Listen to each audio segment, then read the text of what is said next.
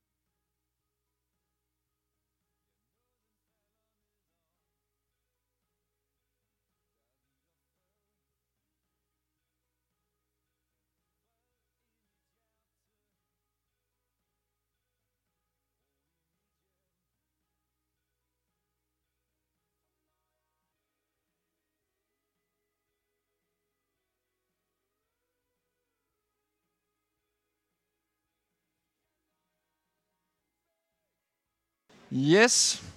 Jeg øh, kan sige, at I har det næste halvanden døgn til at fortsætte samtalen, så I kører bare på senere.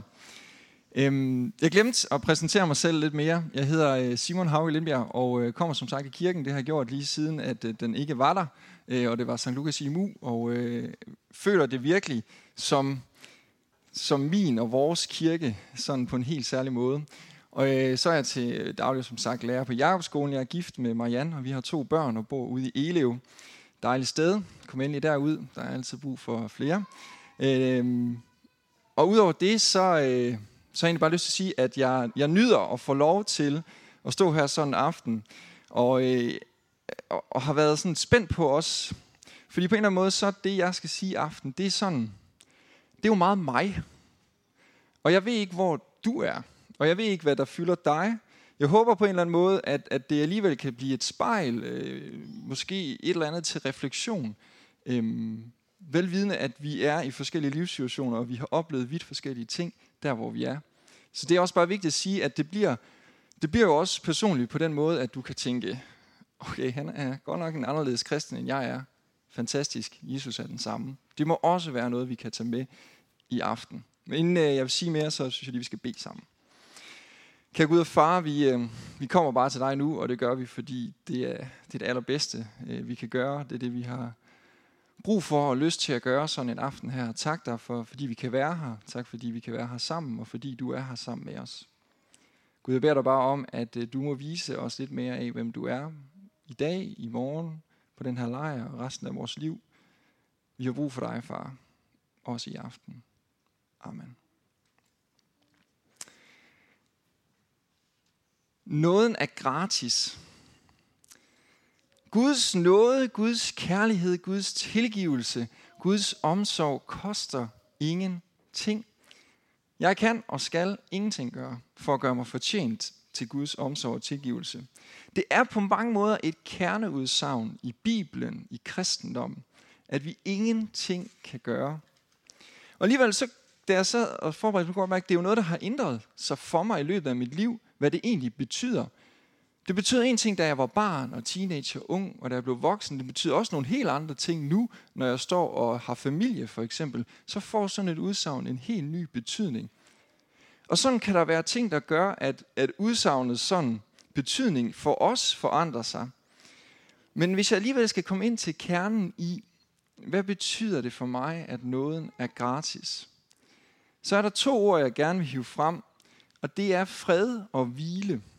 Det er også derfor, jeg ved ikke, om I slet overhovedet kunne høre det. Den sang, der kørte i baggrunden, det er Light Up Lions Nåderegn, som jeg synes øh, på en fantastisk måde sætter ord på noget af det, jeg gerne vil dele med jer i aften.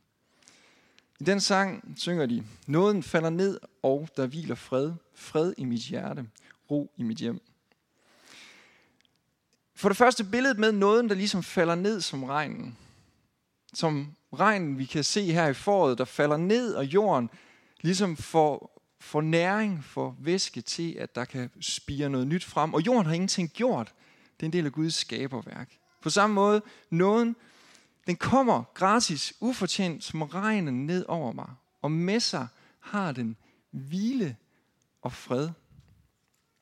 Det er faktisk to af de ord, jeg sådan virkelig kunne mærke. Det er det, at noget af gratis giver mig. Det giver mig simpelthen hvile, og det giver mig fred på en måde, som ingen andre budskaber kan.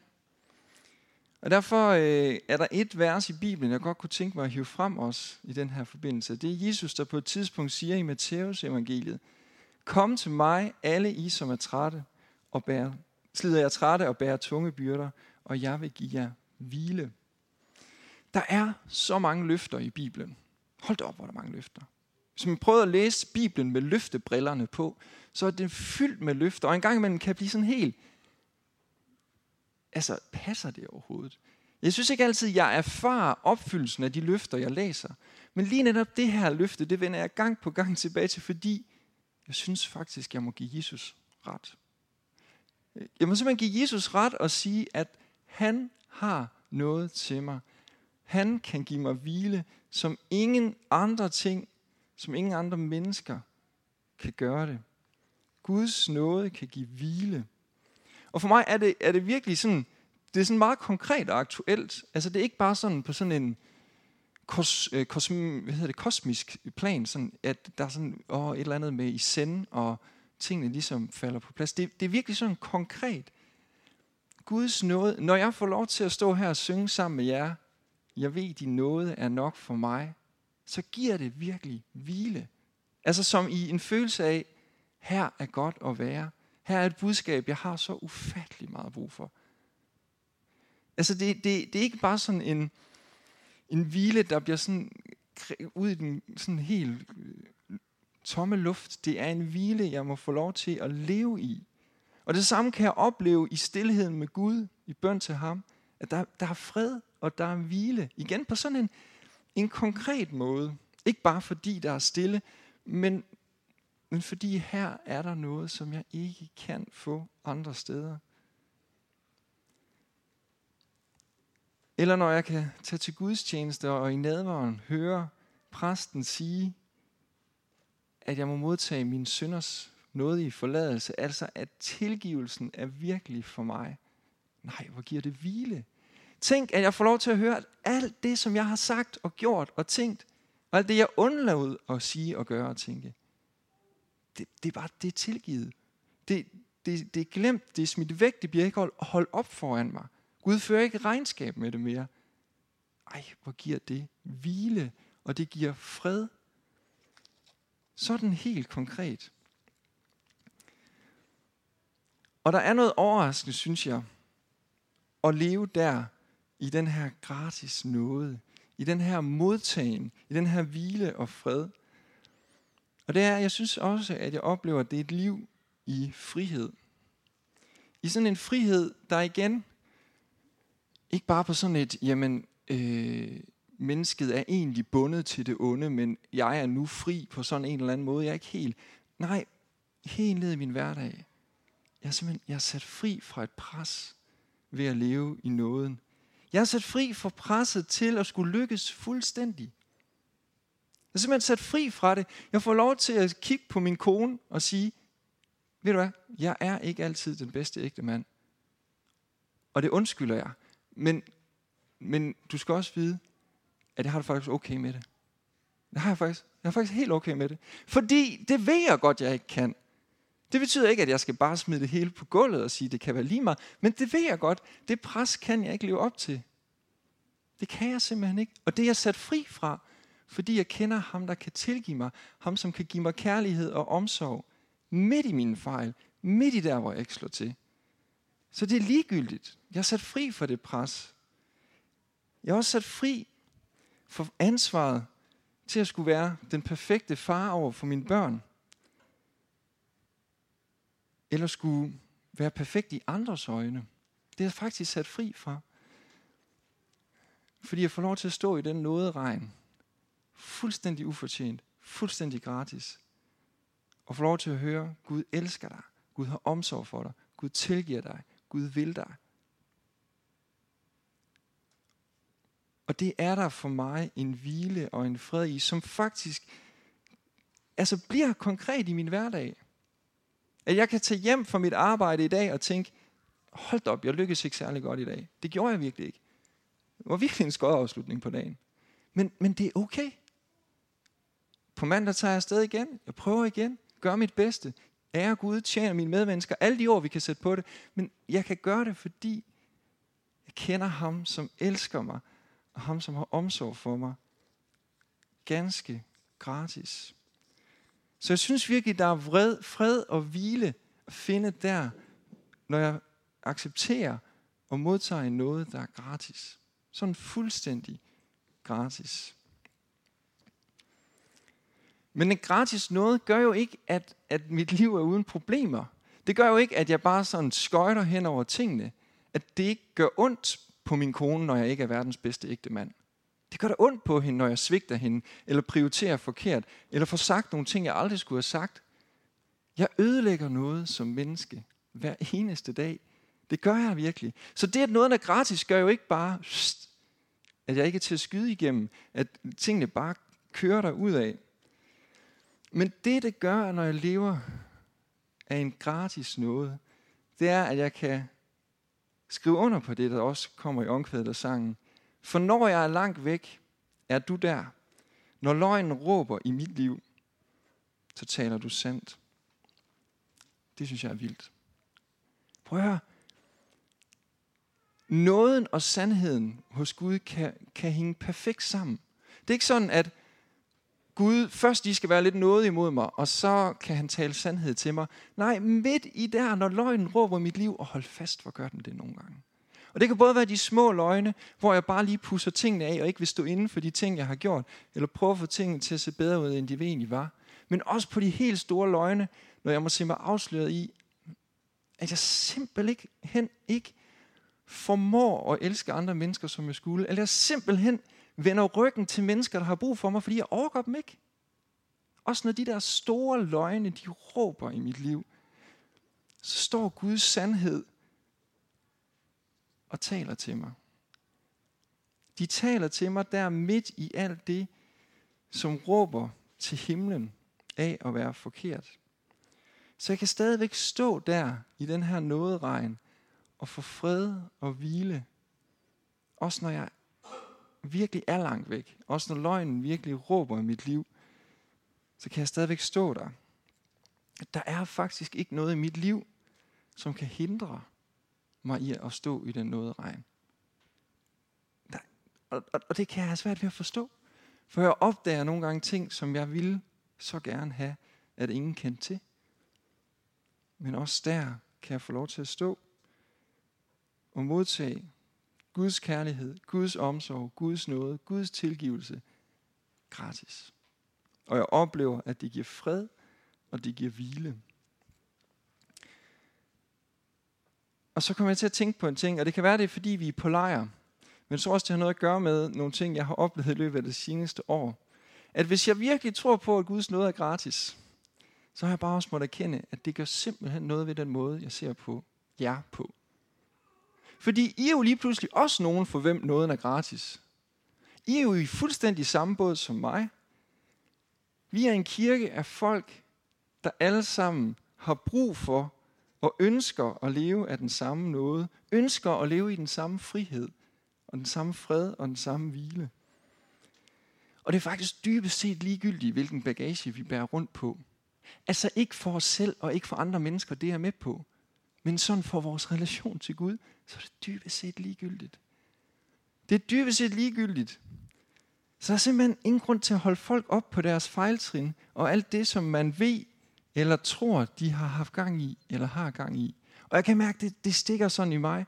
Fordi når jeg kigger rundt, så kan jeg godt sådan begynde at tænke på, ah, der er også nogen, som man ved det også godt lidt, og der var der også noget tidligere, og altså har de nu også helt styr på det, ikke? Altså det, ser, det har svinget lidt, synes jeg. Lidt op og ned. Men prøv der er jo ikke noget, nogen i det her lokale har gjort, der hindrer Guds nåde i at komme direkte ned til dem. Altså det er der jo ikke. Men det kan jeg nogle gange få det til at gøre. Det kan jeg simpelthen, det må jeg erkende. Og det undskylder jeg virkelig over for ham. Det gør jeg virkelig. Jeg går og, og, og, og får andres fejltrin til at blive et problem for deres forhold til Gud. Og det kan det også blive. Men jeg ved det ikke. Jeg ved bare, at ham, jeg tror på, han har noget, der rækker igennem det. Guds nåde er jo det, som andre mennesker har brug for, lige så meget som jeg har det. Så det er jo tosset, hvis jeg begynder at finde fejl ved folk, enten det er i nutid eller datid, i troen om, at jeg kan skille hvad og hvem, der er i stand til at modtage Guds nåde. Så når jeg må se rundt på min kirke, så må jeg huske, det er folk, for hvem nåden er gratis. Og tak for det. Tak for det. Og så er det måske blevet særligt stort for mig, fordi jeg i det sidste år har, har øhm, haft nogle samtaler med en, som som jeg holder meget af, og som har været øh, virkelig udfordrende. En person, som, øh, som har været utro med sin kone, og, øh, og jeg har snakket meget med ham om det. Øh, og det har ikke været kønt, og det har været øh, en, en dybest set forfærdelig oplevelse at snakke med et menneske, og få lov til at se ind i det allermørkeste og allermest egoistiske af et menneske, som jeg holder af, som jeg ser op til. Og så var det helt vildt svært, når vi taler om det her. Når vi taler om tilgivelse og noget. Fordi når man lige pludselig sidder der, hvordan får jeg sagt til vedkommende, at jeg tror på ham, for hvem ikke engang det kaos, der er, sker lige der, det er utilgiveligt. Fordi det føles sådan på mig. Ej, hvor føles det utilgiveligt. Og det siger jeg ikke for at underkende det, der er sket, men det var virkelig svært for mig at holde fast i, at nåden er gratis lige der. Det var jo fantastisk, fordi ting, jeg kunne sige til ham. Prøv at høre, alt det her, det behøver ikke skille dig fra Gud. Alt det her behøver ikke skille dig fra hans kærlighed, omsorg og tilgivelse. Det er da et fantastisk budskab.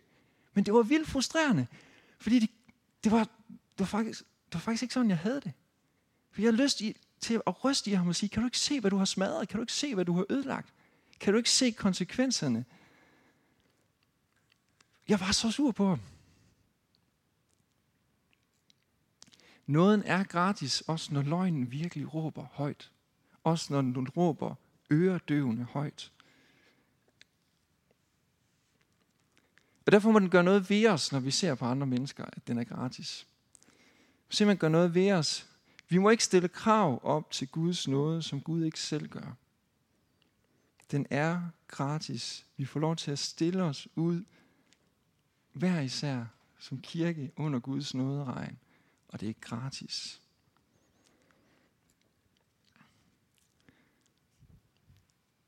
Og så er der den anden del.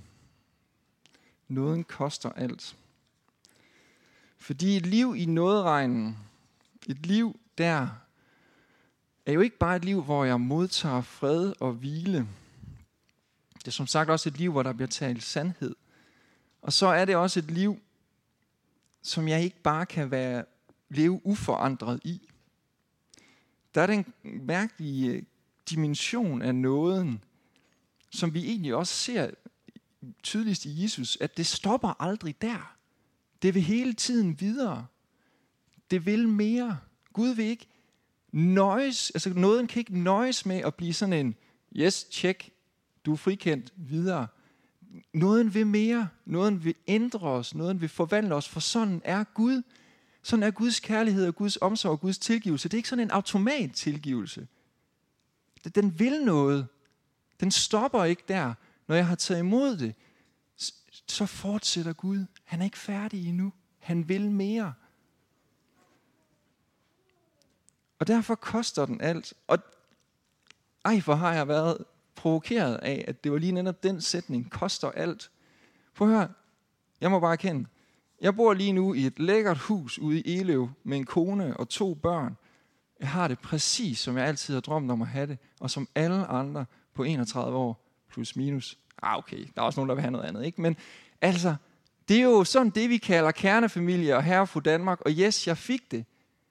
Har noget kostet mig alt? Det ser da ikke sådan ud. Jeg har da fået alt. Jeg fik alt det, som var meningen ifølge de forskrifter, vi har her i landet. Hvordan kan jeg stå og sige til jer, at nåden har kostet mig alt? Jeg synes virkelig, ej, hvor er den ultimative, den formulering.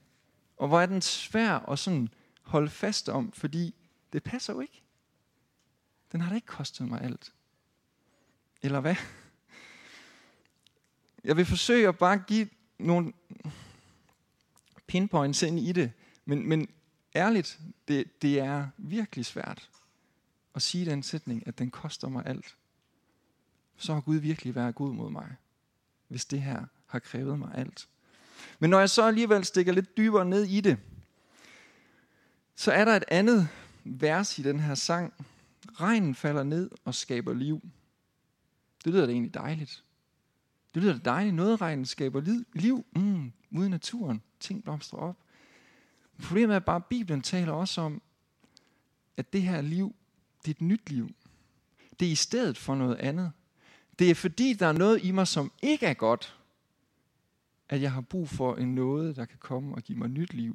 Det er ikke bare sådan, whoopty, så er vi ligesom, tjek videre. Noget nyt er sat i gang. Guds tilgivelse vil som sagt mere et nyt liv i mig.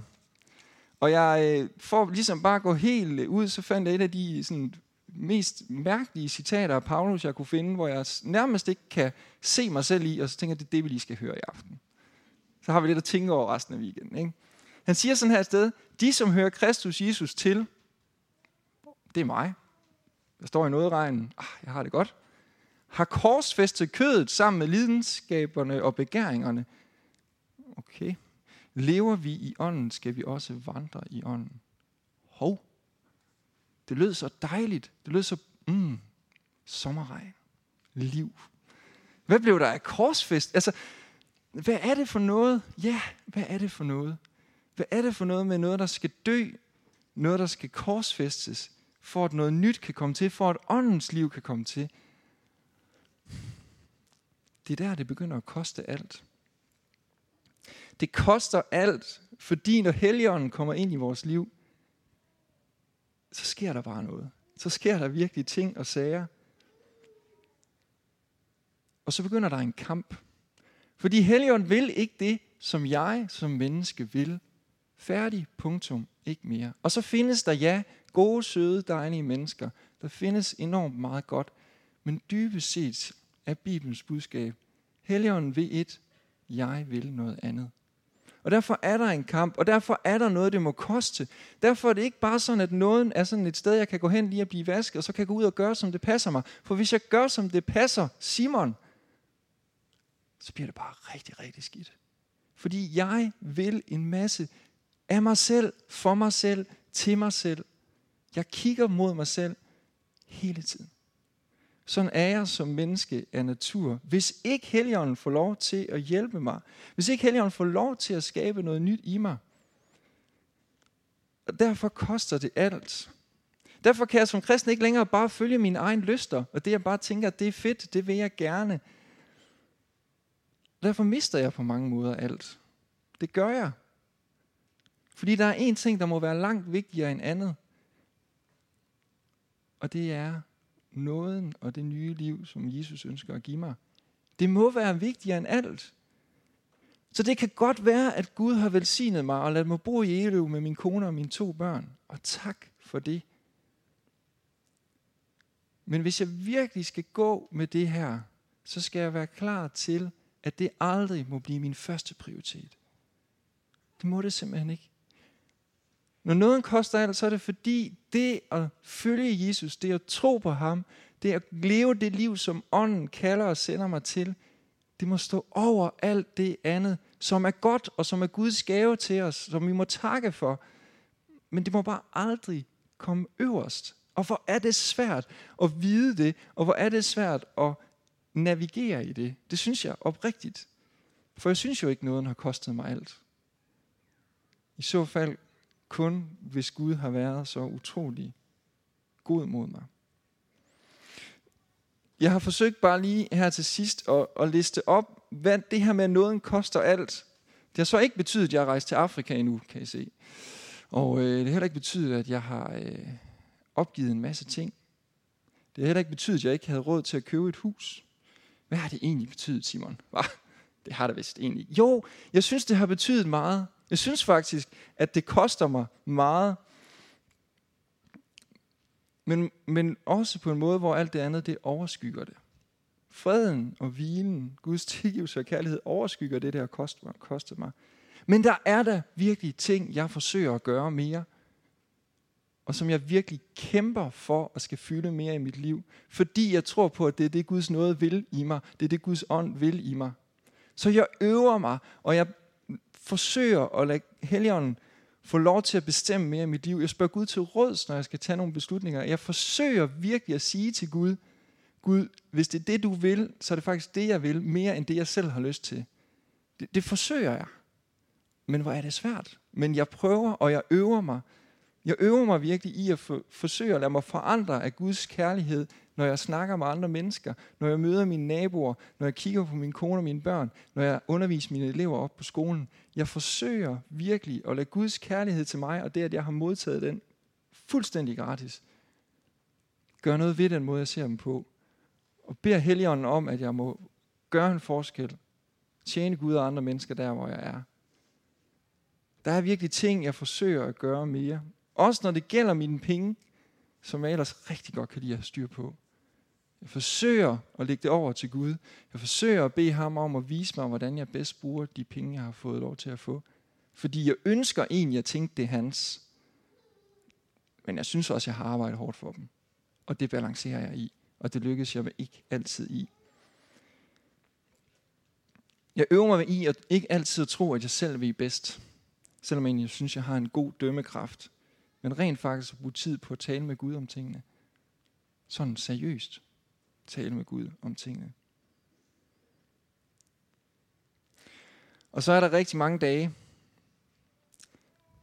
hvor jeg bare synes, at hold da op, den dag gik, her kostede noget mig ingenting. Og så bliver min bøn nogle gange til Gud. Gud, det ser du også. Du ser den hverdag. Gud, jeg tror på, at din helligånd bor i mig. Vil du ikke bare hjælpe mig med at det er ham, der får lov til at virke i mig, og ikke mig selv, der tager magten. Fordi jeg kan have så svært ved at se. Jeg kan have så svært ved at vide, om jeg er ved at blive suget op i en eller anden hverdagstrummerum. Og de dage er der også mange af. Så nåden er gratis, og tak for det. Og nåden koster alt. Også selvom jeg ikke altid måske mærker det. Jeg vil gerne lige slutte med at bede en bøn. Kære Gud og far, jeg øh, takker dig bare, fordi du er den, du er. Jeg beder dig bare velsigne den her lejr. Vi har brug for dig. Vi har brug for dit ord. Vi har brug for din sandhed. Vi har brug for din tilgivelse og omsorg og kærlighed. Tak, at den er fuldstændig gratis. Amen.